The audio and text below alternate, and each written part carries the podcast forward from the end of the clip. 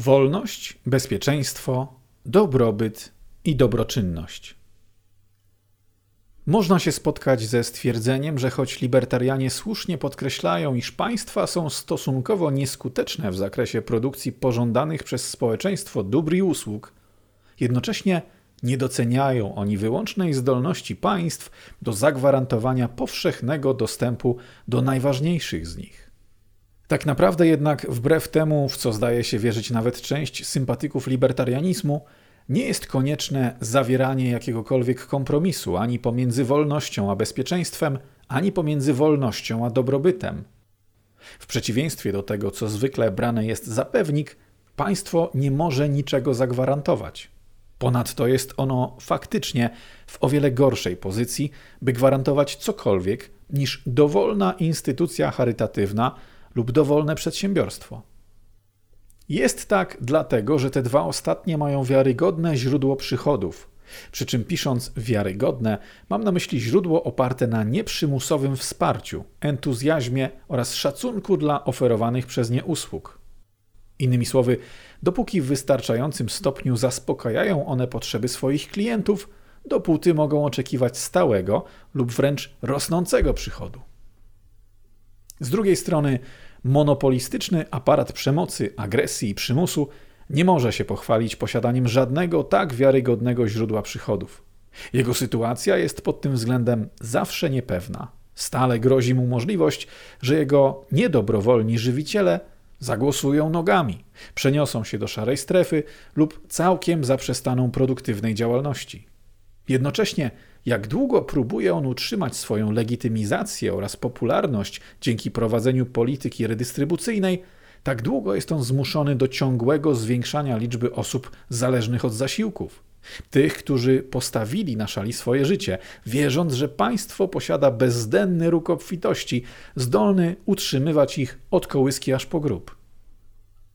Podsumowując, relacja państwa z jego źródłem przychodów w przeciwieństwie do analogicznej relacji w odniesieniu do instytucji charytatywnej lub przedsiębiorstwa, nie jest oparta na wzajemnym szacunku, uznaniu i wdzięczności, ale na niechęci, ciągłej groźbie przemocy oraz na perspektywie stale rosnącego pasożytnictwa.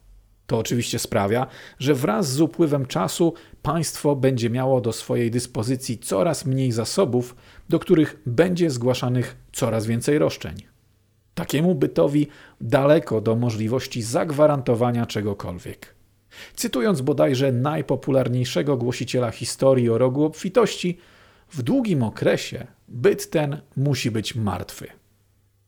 Ujmując ten problem nieco inaczej, państwowe zabezpieczenia społeczne nie oferują bezpieczeństwa ekonomicznego, a jedynie jego złudne poczucie – w ten sposób maksymalizują one faktyczne niebezpieczeństwo ekonomiczne poprzez instytucjonalizowanie pokusy nadużycia oraz uzależnianie stabilności społecznej od ciągłego rozrostu napędzanej inflacją i długiem hiperbańki, znanej jako państwo opiekuńcze.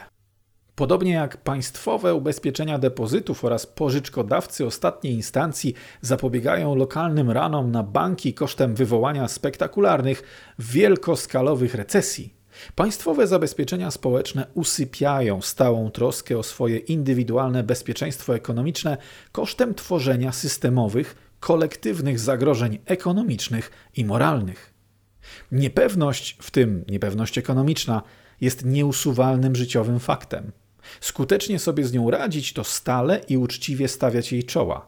Próbować ją usunąć z zamieceniem pod dywan, to ostatecznie jej ulec w bardzo bolesny sposób. By wzmocnić powyższy argument, rozwijmy go za pomocą zwięzłej analizy porównawczej potencjalnych korzyści płynących z prywatnej dobroczynności oraz z tzw. Tak pomocy społecznej. W dobrowolnym systemie prywatnej dobroczynności, po pierwsze, Produktywni i bogaci są jeszcze bogatsi, a więc mogą przeznaczyć na dobroczynność więcej zasobów. Po drugie, produktywni, ale ubodzy też są bogatsi, a więc w mniejszym stopniu korzystają z dobroczynności, tym samym pozostawiając więcej zasobów dla mimowolnie nieproduktywnych i ubogich. Po trzecie, Wszystkie produktywne jednostki, będąc w stanie zachować dla siebie całość owoców swojej pracy, a tym samym czując, że ich wolność i godność są autentycznie respektowane, mają nie tylko środki, ale też, co ważniejsze, autentyczną motywację do tego, żeby angażować się w dobroczynność. Po czwarte, dobrowolnie nieproduktywni i ubodzy, wiedząc, że nie mają prawa żyć cudzym kosztem, mają silną motywację do tego, żeby dołączyć do produktywnych, tym samym pozostawiając więcej zasobów dla mimowolnie nieproduktywnych i ubogich. Podsumowując, w dobrowolnym systemie prywatnej dobroczynności jest mniej ubóstwa, zarówno mimowolnego, jak i dobrowolnego, oraz więcej środków do jego przezwyciężenia. Z drugiej strony, w etatystycznym systemie pomocy społecznej, po pierwsze, produktywni i bogaci są ubożsi, a więc mogą przeznaczyć mniej zasobów nie tylko na pomoc społeczną, ale i na prywatną dobroczynność. Po drugie, produktywni, ale ubodzy są jeszcze ubożsi, a więc w większym stopniu korzystają z pomocy społecznej, tym samym pozostawiając mniej zasobów dla mimowolnie nieproduktywnych i ubogich. Po trzecie, wszystkie produktywne jednostki, będąc regularnie wywłaszczanymi z dużej części owoców swojej pracy, a tym samym czując, że są traktowane jak niewolnicy albo dojne krowy, nie mają nie tylko niemal żadnych środków, ale też co ważniejsze, niemal żadnej motywacji do tego, żeby utrzymywać system pomocy społecznej a co dopiero do tego, by angażować się w prywatną dobroczynność. W skrajnych zaś przypadkach nawet do tego, by pozostawać produktywnymi.